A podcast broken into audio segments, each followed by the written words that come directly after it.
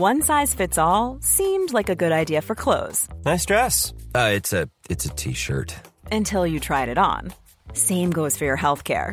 That's why United Healthcare offers a variety of flexible, budget friendly coverage for medical, vision, dental, and more. So, whether you're between jobs, coming off a parent's plan, or even missed open enrollment, you can find the plan that fits you best. Find out more about United Healthcare coverage at uh1.com. That's uh1.com. Nice. Yeah. What you're hearing are the sounds of people everywhere putting on Bombas socks, underwear, and t-shirts made from absurdly soft materials that feel like plush clouds. Yeah, that plush. And the best part? For every item you purchase, Bombas donates another to someone facing homelessness. Bombas. Big comfort for everyone. Go to bombas.com slash ACAST and use code ACAST for 20% off your first purchase. That's bombas.com slash ACAST. Code ACAST. Many of us have those stubborn pounds that seem impossible to lose, no matter how good we eat or how hard we work out. My solution is PlushCare.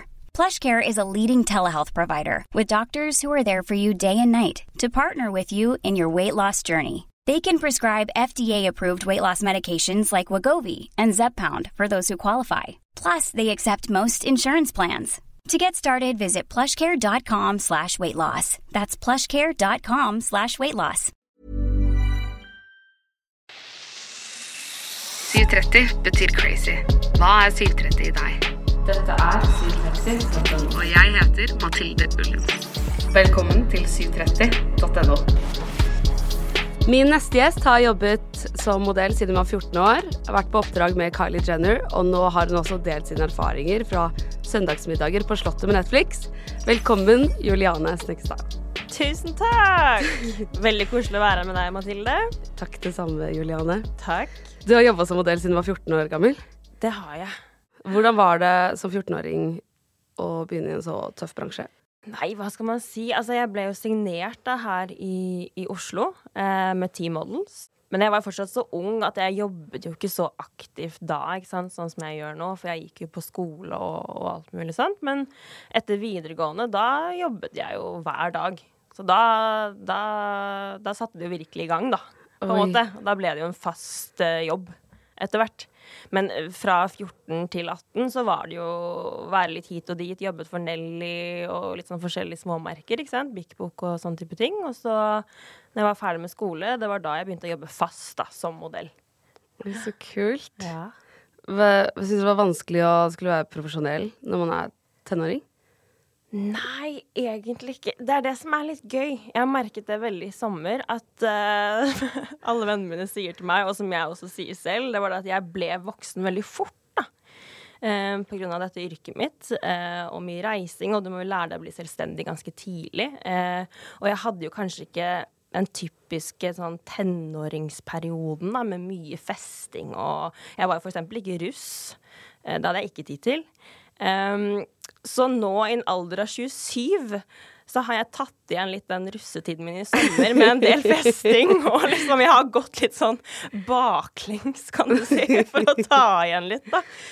Fra lost uh, tenåringsalder. Men uh, Men er det ikke mye festing som modell? Uh, Nei, jeg, jeg har egentlig ikke festa så mye opp igjennom, altså. Kanskje fordomsfullt, men jeg har alltid sett for meg at modeller blir liksom dratt med på fester med masse rike folk og flyter kokain på bordene med Ja, ja, selvfølgelig. Men jeg tror jeg også bevisst valgte å holde meg unna det, da. Eh, Det har selvfølgelig vært litt opp igjennom med litt, litt fester og sånne type ting, men, eh, men det var folk som var verre enn meg, da, for å si det sånn. jeg var nok ganske rolig sånn sett. Ja, du har jo jobba med Kylie Jenner. Ja, jeg har jobbet for Kylie Jenner. Ken, altså, det er mange som har spurt meg var Kylie der. Ja, det Jeg bare, lurer jeg også på. Nei, det Var var, det ikke? ikke. Nei. Denne shooten her var i London, faktisk. Det er mange som tror at den kanskje var i LA, og at hun var der og masse greier, men det, det var hun altså ikke, altså. Men eh, var det hun som valgte deg? Det er det jeg har hørt, i hvert fall. Det er Ja, dritkult. det er, det er som regel sjefen sjæl som, som velger ut hvem de vil bruke. Ja, så det, Så ak akkurat det, akkurat det syns jeg var litt gøy, da. Ja, det skjønner jeg. Så hun har sittet og sett på bilder av deg og vært sånn OK, I wanna choose her. Juliane. Ja, ja, ja det er det jeg regner og håper med. da. Det hadde jo vært litt gøy. Jeg syns jo den kampanjen var veldig fin, fordi vi, vi, vi var jo tre jenter. Eh, som alle har forskjellig etnisitet og hudfarge og Ja, så jeg syns den var, var veldig fin. Hvordan fikk du beskjed om at du hadde fått jobben? Nei, jeg har jo, jeg har jo mange forskjellige modellbyråer rundt omkring. Um, men jeg har jo bodd uh, fem år i London fast. Uh, frem til jeg flyttet hjem til Norge i 2019. Um, så det er på en måte de jeg på en måte forholder meg mest til, da. Samt byrået mitt her i Oslo. Um, og jeg, jeg, jeg, gikk ikke på noe casting eller audition for den jobben. Jeg bare fikk en mail fra agenten om at oi, de ønsker å eventuelt bruke deg. Kan du de og de datoene? Og jeg bare ja. Om jeg ikke kan på de datoene, da flytter jeg på den avtalen, ja. fordi den jobben skal jeg ha, liksom. Så Og så For det, det, er jo sånn det er å være modell, er at du får en forespørsel, og så må du si ja om du kan. Og da vet på en måte eh, den kunden om du kan eller ikke, og så vurderer de derfra. Og så får du kanskje beskjed én til to uker etterpå om du har fått jobben. Da havner du på en option, som det heter. da. Det var akkurat det jeg skulle spørre om. Det er det som heter ja. Det er det som heter option. ja. Ah. Så selv om du får en forespørsel, så veit du aldri om du garantert får jobben booket, da. Er det ikke litt sånn at du ikke vet om du får jobben før du faktisk sitter og gjør den? Eh, nei, som regel så får du det vite, vite det ganske lenge før, altså. Ja. Du gjør det. Jeg fikk vel vite at jeg fikk den her tre, tre til fire uker før jobben startet, på en måte. Så jeg var ganske forberedt. Tenkte du mye på det da, i de tre-fire ukene? At sånn Snart skal jeg jobbe Nei, men jeg tror altså Jeg har jo vært i den bransjen her så lenge, så, så, jeg tenkte ikke noe særlig mye over det. Men hadde jeg vært ny og ikke jobbet så mye, da hadde jeg sikkert vært dritstressa, ikke sant? Fordi det er jo, det er jo selvfølgelig en stor, eh, en stor jobb å gjøre. Det er jo eh, Ja. Det er jo et fint uh, sminkemerke. Ja, skikkelig. Um, er det godt betalt med en sånn jobb? Um, hva skal man si? Ja, det er, jo, det er, jo, godt betalt. Det er jo absolutt det. Men um, det som er litt gøy i en sånn type bransje som dette her, det er det at det selvfølgelig det å gjøre en Kylie Jenner-jobb, det er jo også veldig mye prestisje i det. Og derfor så trekkes lønna litt ned. For hun, eller de tenker sikkert at ja, men bare det å gjøre Kylie Jenner, det er jo nok i seg selv. Derfor så kan vi betale litt mindre også, på en måte. Og det, det, er jo sant, på en måte. Du får jo gode bilder i portefolioen din, og du får jo en god jobb på CV-en. Så, så det, det, er litt sånn som den bransjen funker, da. Hvem er det som betaler best? Ja, hvem som betaler best Jeg vet ikke om jeg har lov til å sitte og si sånne ting som dette her engang, men Vi skal ikke si det til noen. Nei. Bare si det til meg. Hvem som betaler best? Nei det skjønner jeg. Det, mm, da det var covid, så ble jo alle, de fleste jobber satt litt på hold. Ja. Man kunne jo ikke reise, du gjør jo mange jobber i utlandet. Ja. Hvordan var det? Du, det var veldig rart, altså. Jeg husker at jeg um, kom fra England etter en jobb, landet var det 12. mars det var? Det var i hvert fall første dagen det ble lockdown eller sånn karanteneregler i Norge.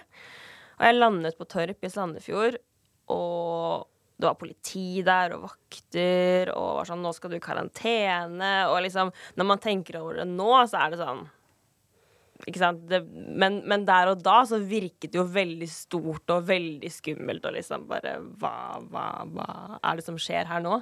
Um, så det var rart. Og jeg, jeg, jobbet jo ikke på et år.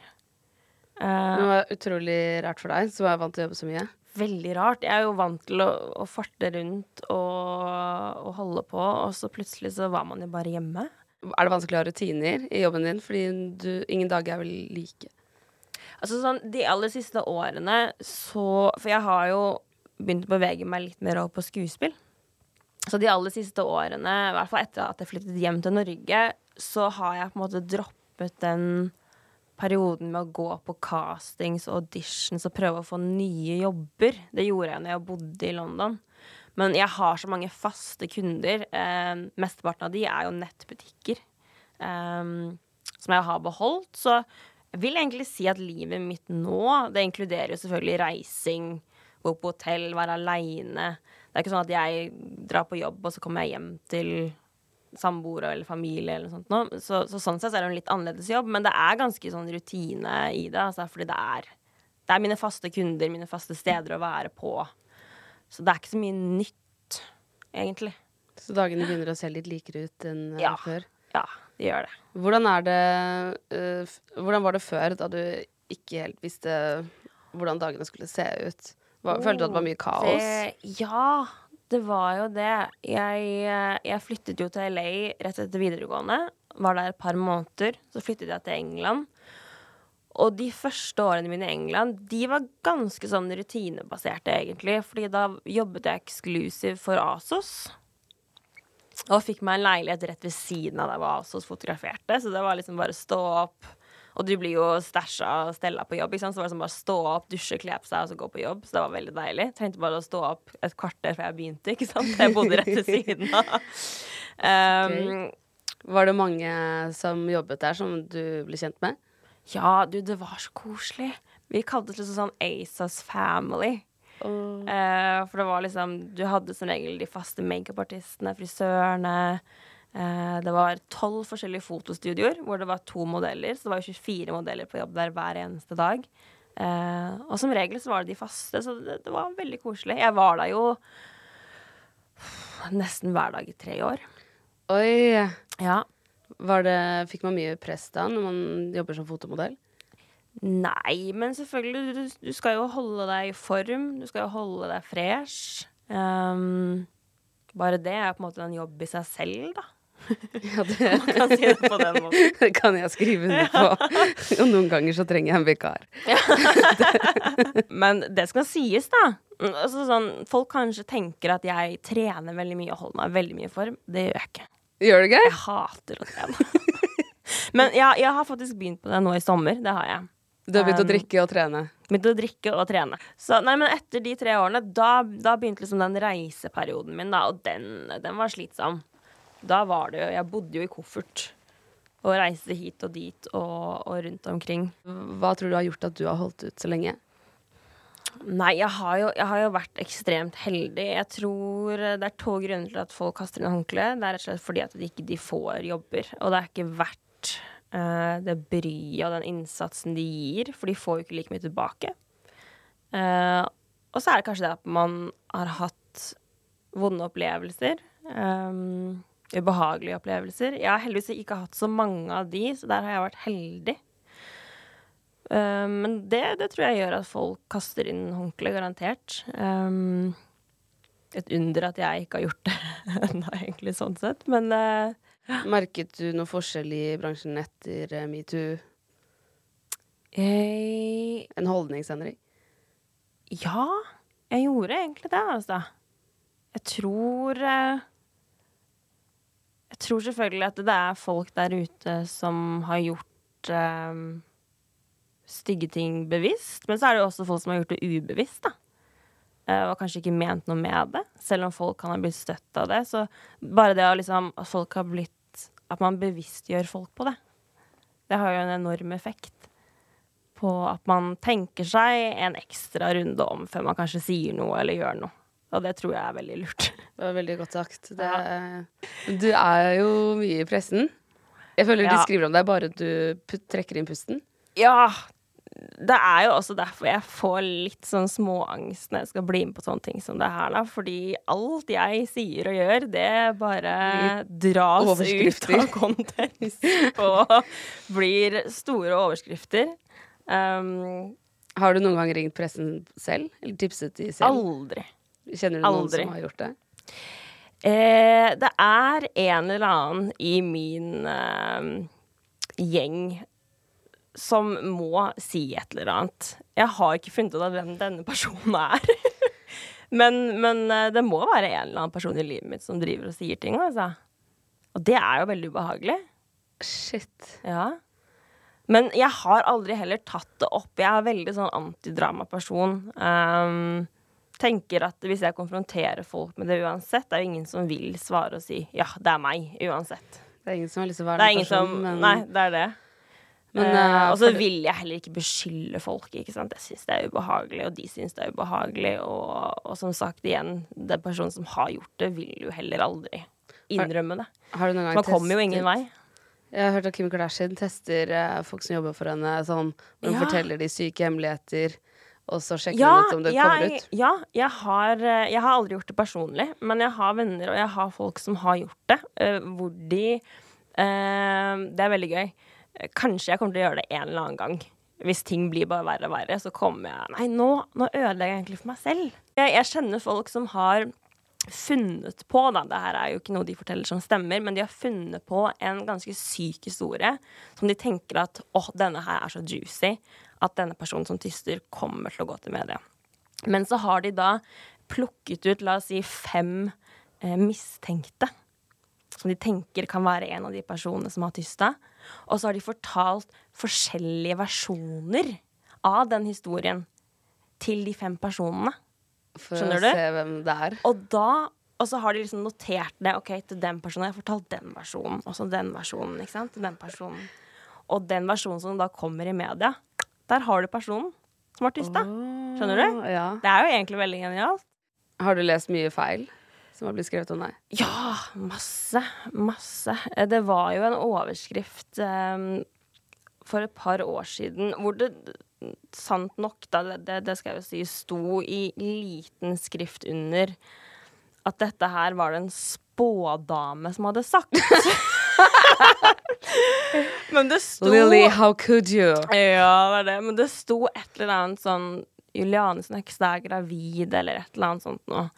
Um, og så hva Jeg leser, jeg leser jo ikke så mye. Ikke? Jeg leser i hvert fall ikke om meg sjæl. Nei, og det endte jo da opp med Først da så var jeg på byen i Tønsberg og står der på, ute og tar meg et glass vin, og det kommer en jente bort til meg og bare Du kommer til å bli verdens verste mamma. Nei! og jeg bare sånn Ja, men jøss. Hvorfor, hvorfor sier du det, liksom? Ja, for du er jo gravid, og her står du og drikker vin. Du bare Her er jeg? Og da hadde jo ikke jeg fått med meg i det hele tatt, så jeg bare Nei, jeg, jeg er ikke gravid. Da hadde jo ikke jeg stått her og drukket alkohol. Det hadde jeg jo aldri gjort. Jo, du er gravid, fordi det har jeg lest. Og jeg bare OK, det har du lest, ja. Men jeg hadde jo visst først om jeg var gravid. Og jeg husker at farmoren min ringte meg dagen etterpå og bare Hun var sånn skikkelig lei seg, liksom. Var sånn. Men jeg hadde jo håpet at er, er du gravid? For jeg hadde jo håpet at du hadde fortalt det til meg før jeg slapp å lese det, liksom. Jeg bare Nei, farmor, jeg er ikke gravid. Da hadde du fått hørt Ja, For du bor jo i Tønsberg også, og der jeg kan jeg se for meg at det er mange som i hvert fall vet godt hvem du er. Ja, ikke sant. Det er jo, det er jo en liten by. Når man attpåtil har jobbet med Kylie Jenner, Netflix-filmer og spist søndagsmiddager på Slottet, så Mm. Tipper jeg det er mange som ja, hva, skal man si, er litt sjalu. For ja. utenifra så Man sammenligner seg jo alltid skrått oppover med andre. ja. Og utenifra så ser jo livet ditt helt fantastisk ut. Ja, det gjør kanskje det. Ja. Nei, det kan jeg si med en gang at det, det er det jo på ingen måte. Du har vært åpen om at du har bipolar lidelse. Ja. Um, var det, hvordan var det å dele det? Jeg hadde ikke planlagt det i det hele tatt å si det. Eh, journalist og fotograf fra Aftenposten de skulle lage portrettintervju. Kom jo til meg i Tønsberg, i huset mitt, og jeg hadde liksom vasket og gjort alt perfekt, og det var rent, og jeg så bra ut, og liksom alt var sånn Alt var overfladisk perfekt. Men jeg hadde det så vondt inni meg, um, for jeg sleit litt på den tiden. Det var jo etter covid, og som sagt, det var en kjip periode. Og hun kommer, setter seg ned. Jeg bonder med en gang med journalisten. Helt nydelig menneske, den dama. Um, og hun sitter og spør meg hvordan har du det. Og jeg sitter der og har lyst til å dra på et smil og liksom bare Ja, jeg har det bra, og liksom spille med. Så er jeg bare sånn Nei, vet du hva, nå må jeg bare være ærlig, altså. Jeg, jeg, jeg klarer ikke mer. Nå skal jeg bare fortelle deg akkurat hvordan ting er. og bare bretta ut om alt. Men det var på ingen måte planen. Jeg hadde ikke planlagt det. Um, og så etter intervjuet, sant? etter å ha liksom bretta ut om alt, da, så ble jeg bare sånn Oi, shit, burde jeg ha sagt det, liksom? For nå, nå får jo alle vite det. Og jeg ringte rundt familie og bare Jeg Gjorde noe dumt nå? Men alle var liksom bare sånn Nei, men Juliane, hvis du føler for å dele, så må du bare dele det. Det er jo bare fint. Og jeg er så glad for at jeg gjorde det. Fordi fy søren, og mange meldinger Altså, innboksen min ble sprengt etter at det intervjuet kom ut. Med folk som har eh, bipolar lidelse, folk som kjenner folk som har det. og bare skulle vise støtte. Jeg har ikke fått en eneste vond eller negativ kommentar. Bare støtte og, og selvfølgelig mange triste historier da, folk som er i samme situasjon, og det er jo fryktelig vondt å lese. Så Men nei, det ga meg så mye, altså. Det altså, Når det føles naturlig å dele noe, så tror jeg det er riktig. Ja, det var det. Man, Det var nok en mening i det, at jeg skulle dele det. Ja, Ja. og det tror jeg er eh, fint, for det er veldig mange som ser opp til deg. Og det er, det er jo bare positivt med åpenhet rundt psykisk helse. Ja, jeg var jo også litt usikker, ikke sant, for at det, jeg Det er utrolig fint at folk er åpne, men så er det liksom også det at det er, det er så veldig mange som har valgt å åpne seg da, i de, de siste årene. Så jeg ville på en måte ikke være enda en person som bare Å ja, hun har også en eller annen psykisk lidelse, eller hun har også det, eller hun har også det, ikke sant. Som at man nesten smykker seg med Ja, diagnoser. Ja. Og det var på ingen måte min mening i det hele tatt. Det var ikke noe sånn der 'Å, det er så synd på meg'. Det var bare mer at jeg orka ikke å ha på den maska lenger. Og, og alle tror at livet mitt er så perfekt, og at jeg har det så bra. Men jeg, bare, jeg trengte bare å si at nei, det er faktisk ikke sånn, ass. Men samtidig på ingen måte noe sånn synd på meg, buhu, jeg har det så kjipt. Det var egentlig bare mer for å si til alle at det, uansett hvor bra det ser ut som at du har det, så er det nødvendigvis ikke sånn. Har du opplevd noe negativitet rundt det? Ikke i det hele tatt. Altså, du tenker på etter det det Ja. intervjuet? Nei, ingenting. Altså, bare masse gode meldinger og Det bra. folk som syns det er så bra at jeg står frem, og fått meldinger fra Bipolarforeningen. Altså, det var sånn, det var så masse, da. Oh. Så det, det varma hjertet mitt. så bra at du gjorde det. At Ja. ikke, man sitter, at ikke du satt og lurte på hva var lurt og ikke. Sånn. Ja. Jeg tenker at ting som føles litt organisk, er det riktig, riktigste å gjøre. Da. ja. Ja. Det blir jo ekte for deg òg. Ja. Det eneste jeg husker jeg som fikk kritikk på, var at jeg sa Og det, det er jeg helt enig i at det er feil å si. Jeg sa jeg er bipolar, for det skal man ikke si. Man skal si jeg har bipolar lidelse. Så det er jeg helt enig i. Den, den trekker jeg tilbake. Jeg er ikke bipolar. Men det er liksom sånn Det er lett å si den setningen, da. Selv om man tenker at ja, det er jo feil. Men det er liksom bare det som øh, plopper ut. I hvert fall når man ikke har så mye erfaring rundt uh, temaet heller. det er det. Jeg har, jo, jeg har jo mye erfaring rundt temaet, for jeg har jo slitt med dette her lenge. Men jeg har jo aldri snakket med noen om det. Så jeg har liksom aldri det liksom, Jeg har jo venner som kommer og bare Hæ? Eh, Har du bipolar lidelse, liksom? For det, jeg, jeg, det er ekstremt få mennesker som faktisk veit det. Jeg har skjult det fra omverdenen så totalt. Da. Hvorfor har du gjort det? Nei, det er, det er litt skam, da. Kanskje. Følte du at det ble sluppet fri når du delte det? Ja, det var så digg. Fikk jeg frysninger. Ja, det var så deilig. Det fortjener Det- du. ja. Å Ja, slippe den skamfølelsen. Det Ja. spiser deg opp innvendig. det gjør det. Det, mm, jeg husker eh, Faren min var alkoholiker, og da, det syns jeg var helt jævlig at folk skulle vite. Og jeg vokste det opp på skjønner vestkanten i Oslo, hvor det var veldig mange som hadde sånn picture perfect eh, familier. Og jeg ville ikke at folk skulle vite at han var så syk. Og, og det var veldig synlig da, du kunne se det på han at han var uh, ordentlig dårlig. Jeg skammet meg så mye. Jeg var sånn, Ingen må vite at jeg er faren min, og ingen kunne se oss sammen. Og jeg var, syntes det var helt jævlig. Mm. Og så husker jeg på ungdomsskolen så ble jeg kjent med en ny eh, jente som jeg syntes var så kul, og så fortalte hun at uh, faren hennes var alkoholiker, og jeg bare Faren min òg. Åh, det må ha vært så det- godt for deg å høre at det var en annen som var i din situasjon også. Ja. At du ikke var alene i det. Og når man blir eldre, så skjønner man jo at det er noe veldig mange sliter med. Veldig Og mange. ja, det var Det bare slapp så uh, Ja. Å nei, nå får jeg vondt i hjertet mitt, Mathilde. Åh, det må ha vært nå- ekstremt trøff, eh, tøft. Eh, Det var tøft da, men så nå syns jo ikke jeg det er vanskelig å snakke om i det hele tatt. Og det føles som en selvfølge. Og og det er nesten sånn at de vonde følelsene forsvinner litt. Og jeg tuller mye om det. Jeg syns det er litt, ja, Ja. litt deilig òg Ja. å kunne kødde om det. Mm. Men uh, at den eh, Jeg husker veldig godt den vonde, vonde skamfølelsen som, man, som bare virkelig spisset opp innvendig. Men jeg merker også at når man uh, ikke har så mye erfaring rundt temaet, så er det skummelt å spørre deg om ting. eh, merker du at folk eh, tripper litt rundt deg når man snakker om det? Eh, nei, egentlig ikke. Du er veldig lett å snakke med, så Ja. det kan jo være derfor òg. Nei, jeg vet ikke. Altså, mange vet jo hva bipolar lidelse er. Um, noen vet ikke så mye om det. Det er jo litt sånn typisk liksom der, den glosen der ah, er, du, er du helt bipolar, liksom? Da er du jo liksom gæren eller ustabil. Men det er jo ikke det som er tilfellet i det hele tatt, ikke sant? Og, og, det er jo så mange forskjellige typer av det. Så mange forskjellige versjoner av det. Um, så det er jo ikke sånn at alle som har bipolar lidelse, har det helt likt. Det kan jo variere så ekstremt, da. Og ikke bare en diagnose, men personlighet også, ikke sant. Kommer jo inn i bildet. Man er jo alle ulike i personligheten. Så, så det er jo ikke noe fasitsvar på akkurat hva bipolar lidelse er, da. Eller hvordan det preger et menneske. Eh, hvordan er det å leve med bipolar lidelse? Tar du medisiner, eller er det noe Du vet hva, jeg Går du i terapi? Um, jeg går litt i, i terapi. Um, nei, det, er som sagt, jeg har vokst mye på det. Man, man, lærer seg selv å kjenne. Man lærer seg selv å kjenne sine egne mønstre, sine Hva skal man si? Ja?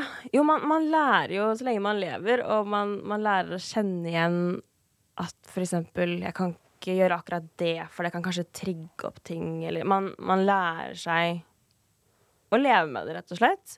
Så nå går ikke jeg på noen medisiner. Og jeg har aldri hatt det bedre. Ever.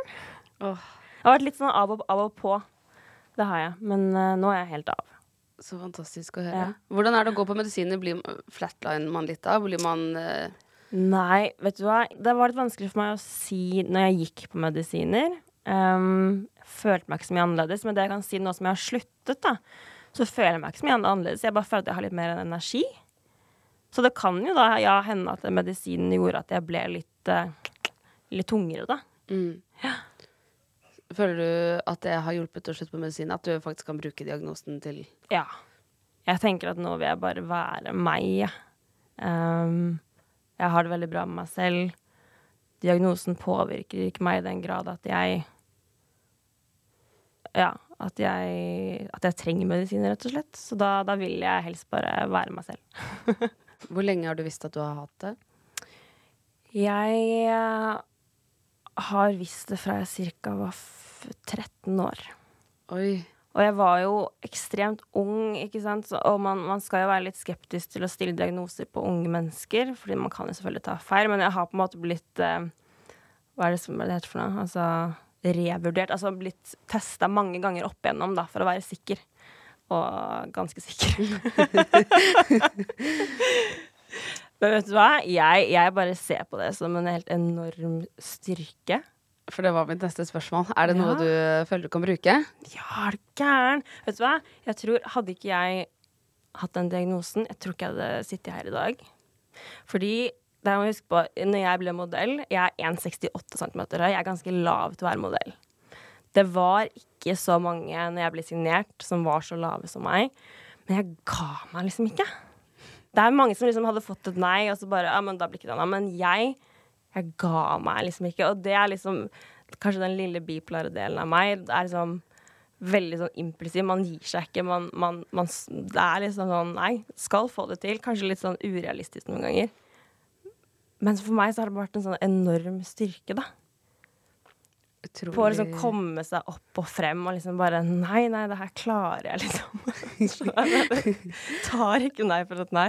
Jeg er veldig glad du sier, for det er nok mange som tenker at det, å, du blir signert med Team Models, og da er du ja. modell. Og ja. så er det fulltidsjobben din. Men det er jo sykt mye som skal til for at man kan leve av det, og du må ja. gjøre mye.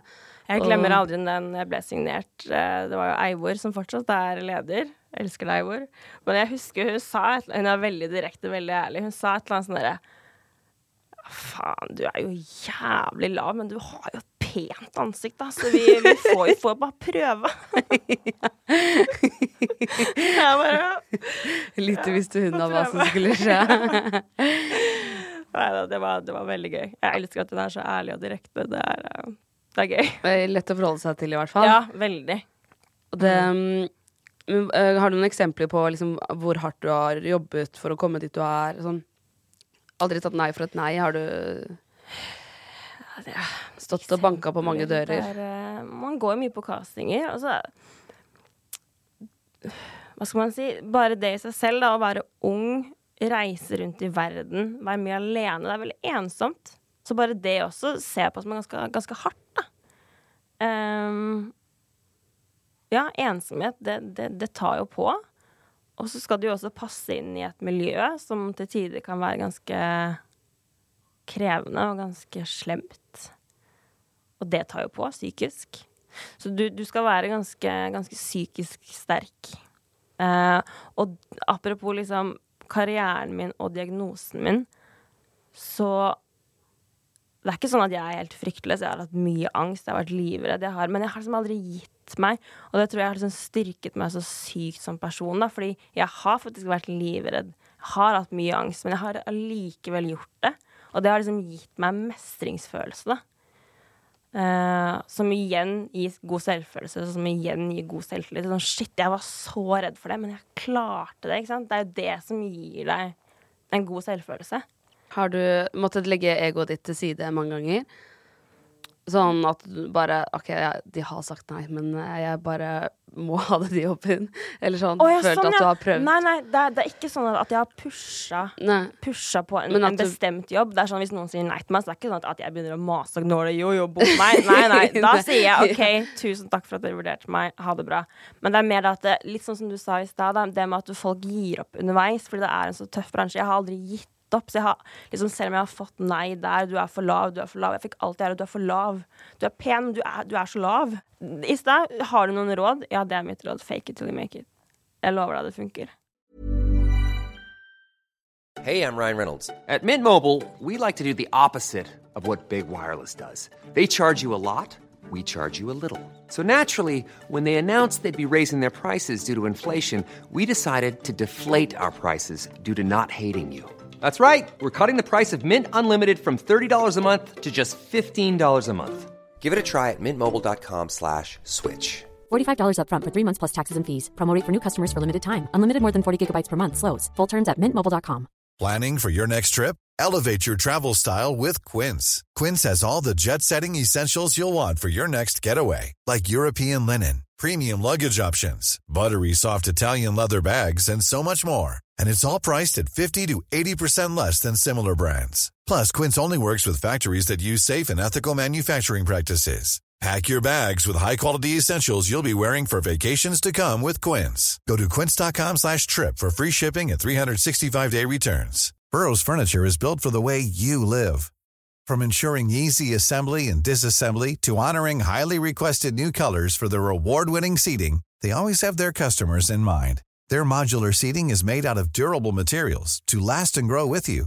And with Burrow, you always get fast, free shipping. Get up to 60% off during Burrow's Memorial Day sale at burrow.com slash ACAST. That's burrow.com slash ACAST. burrow.com slash ACAST. Identifiserer du deg som skuespiller eller influenser eller modell? jeg føler på en måte at jeg ikke kan kalle meg selv for skuespiller, fordi jeg har jo ikke noe utdanning i det, ikke sant.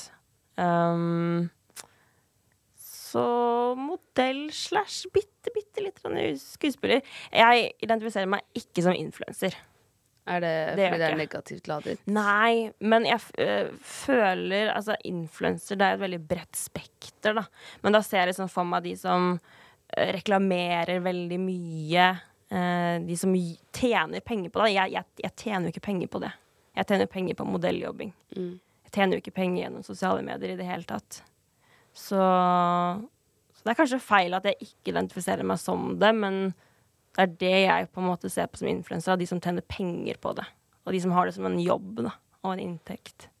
Apropos pressen, mm. som vi snakket om i stad, mm. så er det jo en ting jeg er litt nysgjerrig på. Uh, og lurte litt på hvordan var for deg. Fordi i 2018 så hadde du gjort en shoot som mm. ble solgt til Playboy. Ja. Og den fikk mye oppmerksomhet i pressen. Den fikk veldig mye oppmerksomhet i pressen. Her er det som er litt sånn ironisk da, med hele meg. Uh, det er det at jeg har jo valgt uh, selvvalgt et, et, yrke som kanskje krever at du får mye oppmerksomhet, men så har jeg aldri vært noe glad i oppmerksomhet. har du ikke? Nei, jeg har faktisk ikke det. Og det er jo helt komisk at jeg ønsker å bli skuespiller og leve av det, og da, da er du avhengig av egentlig å få oppmerksomhet. Um, Hvis men du gjør det bra, selvfølgelig. Ja, hvis man gjør det bra. Så Kjenner mange skuespillere som ikke får Ja, som ikke får oppmerksomhet. ja. Det er det. Nei, så det er, det er jo litt komisk i seg selv. Um, hvordan jeg taklet det, det var uh, Her var greia. Dette var faktisk i 2017. Ganske i starten av 2017, hvor jeg var i LA. Jeg hadde akkurat blitt signert av et byrå der nede. Jeg gjorde en fotoshoot med en fotograf. Um, som kun var en fotoshoot kun for oss to, sånn at jeg skulle få fine bilder i min portefolio, og omvendt for henne. Og så kontaktet hun meg et par måneder senere og bare Du, Playboy de digga de bildene her, og de ønsker å bare legge ut et par bilder på Instagram-storyen sin, og så eventuelt på nettsiden deres. Eh, og det sa jeg ja til, og det har jeg på en måte alltid stått for. Eh, men det var det at det, Og sånn er det jo på en måte i presse og media, at ting blir dratt veldig ut, og ting blir liksom smørt på, ikke sant, for underholdningen sin skyld. For det ble liksom plutselig til at jeg var Playboy-modell. Ikke sant? Og jeg hadde jobbet for Playboy, noe jeg ikke hadde gjort. Det var bare at de likte bildene. Som bildene også, for så vidt, de viste jo ikke så mye. Det var jo liksom i bikini, det var ikke noe nakenhet, det var ikke noe, noe tacky, da, syns jeg. Ikke sant? Og når folk da ser på Når de står i kassa på Kiwi, da. Det er jo veldig få, tror jeg, som Det er nok flere som står i kassa på Kiwi og leser eh, forsiden på et blad.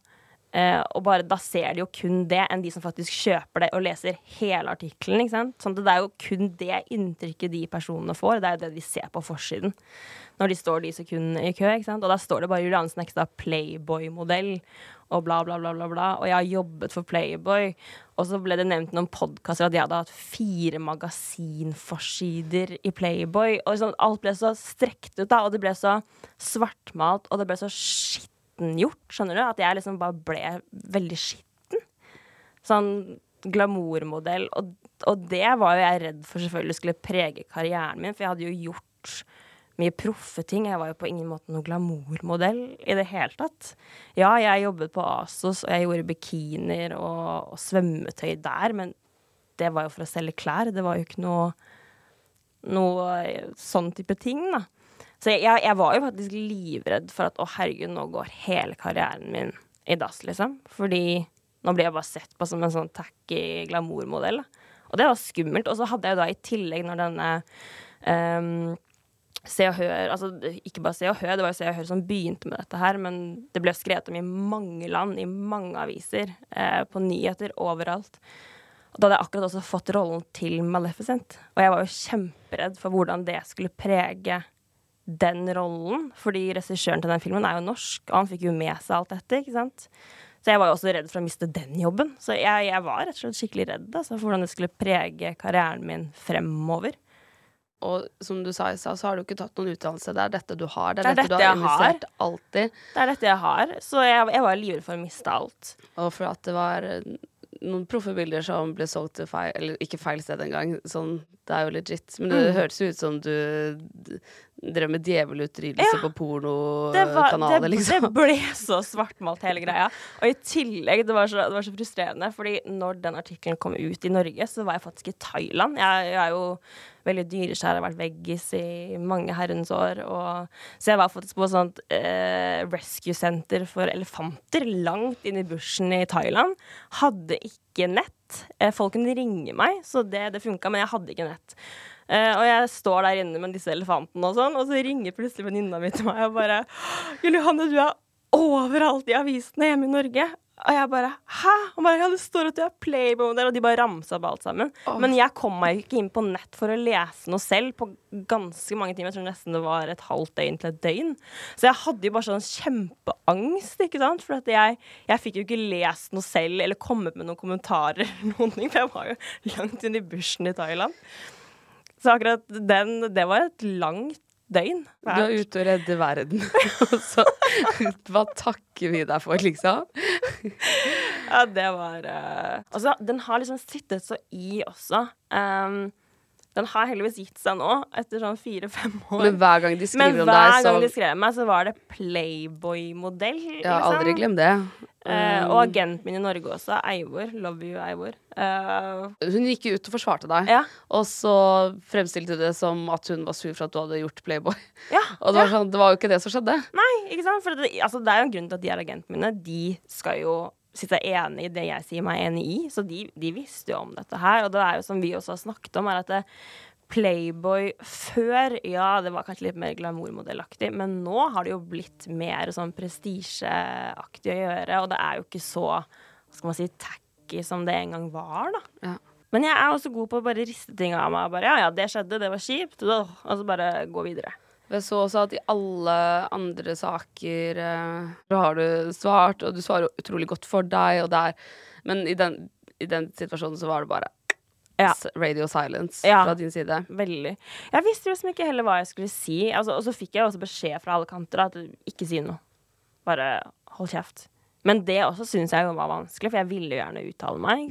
Sånn som vi snakket om i stad. Alt jeg sier, alt jeg gjør, blir bare Så det kunne kanskje også gjort vondt verre om jeg uttalte meg. da. Så kanskje det var lurt av meg bare å holde kjeft den gangen der. Men hva har du gjort i ditt forrige liv eh, Mitt forrige som liv. Som gjør at du fortjener dette? All denne dårlige karmaen. kan jeg spørre om hvordan det har vært å gå gjennom et offentlig brudd? Um, ja. Um, Hvordan har det vært å gå gjennom et offentlig brudd? Du, det gikk egentlig ganske greit.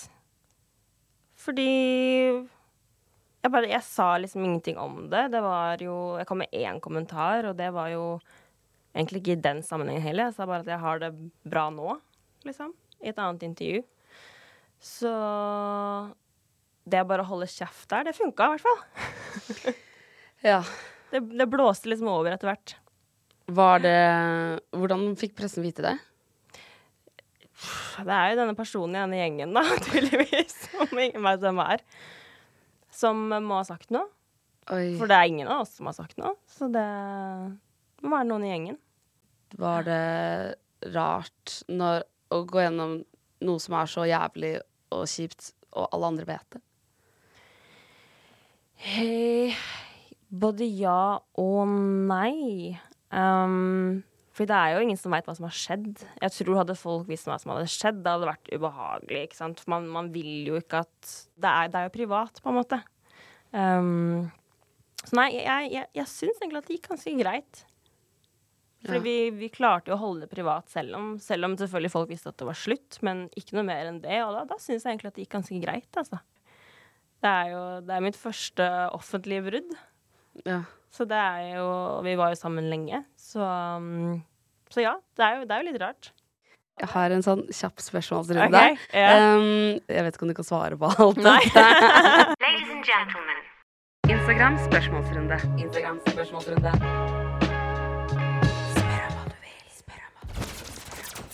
Hva er det dyreste du har kjøpt? Det må jo være boligen min, da. Du har kjøpt vesker som er dyrere enn boligen din, da. Ja, nei, da hadde jeg hatt et problem. Eller da hadde motebransjen hatt et problem. Men det kan ikke selges, så Ja, boligen. Eh, utenom bil og bolig. Ferier. Ja, de har vært dyre. Ja, jeg er glad i å Ta meg en ferie, da. I hvert fall sånn på vinterstid når det er kaldt her og Ja, ja ferier. Hva er det dyreste du har gitt? Nei, jeg skal ikke snakke om, uh, om penger og summer. Hvor mange toaletter er det på Slottet? Oi. Har du vært på alle? Hadde jeg vært på alle de, så hadde jeg hatt et problem. det Oi. Vet du hva, det aner jeg ikke. Det er mange. Mange. Men jeg, jeg aner ikke antallet. Hvem er den mest kjente som har slidet inn i DM-en din?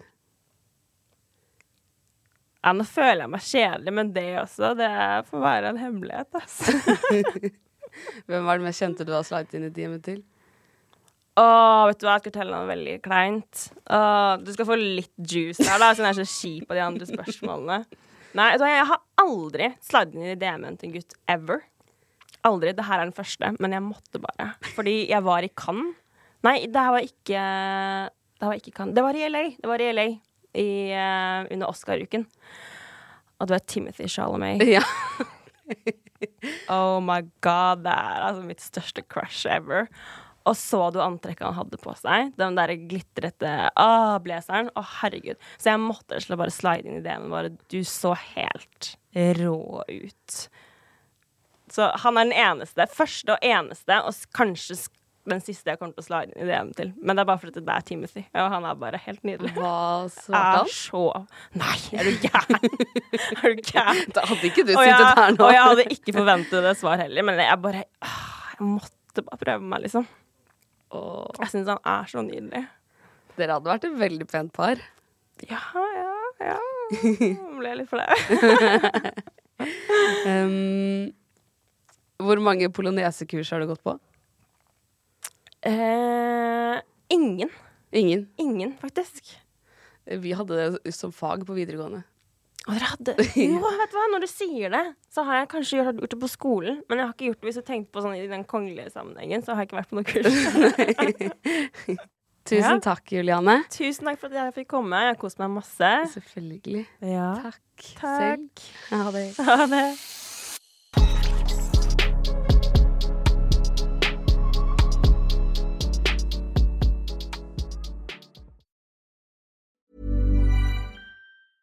Even when we're on a budget, we still deserve nice things.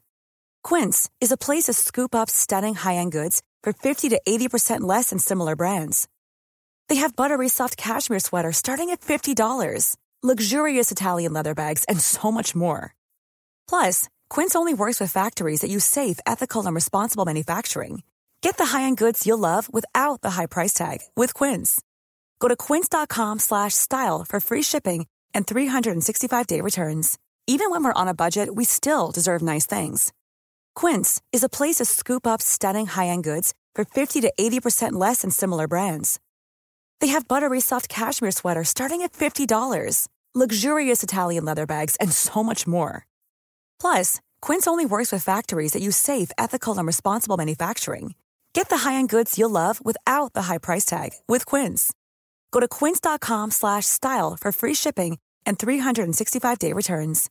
Imagine the softest sheets you've ever felt. Now imagine them getting even softer over time. That's what you'll feel with Bowl and Branch's organic cotton sheets. In a recent customer survey, 96% replied that Bowl and Branch sheets get softer with every wash. Start getting your best night's sleep in these sheets that get softer and softer for years to come. Try their sheets with a 30-night guarantee. Plus, get 15% off your first order at bowlandbranch.com. Code BUTTERY. Exclusions apply. See site for details.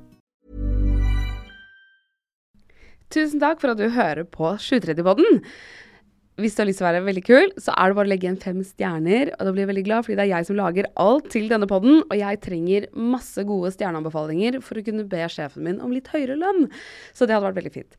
Jeg slipper nye episoder hver eneste tirsdag. Og hvis du ikke har hørt alle ennå, så er det bare å spole tilbake i biblioteket. Og trykker du på følg, så kommer alle de nye episodene rett inn i spilleren sekundet de blir sluppet. Send meg gjerne en DM hvis det er noen du har veldig lyst til å ha som gjest. Og husk at vi alltid poster spørsmålsrunder på Instagram Story, så da kan du få med spørsmålet ditt i neste episode hvis du vil det. Ha det bra!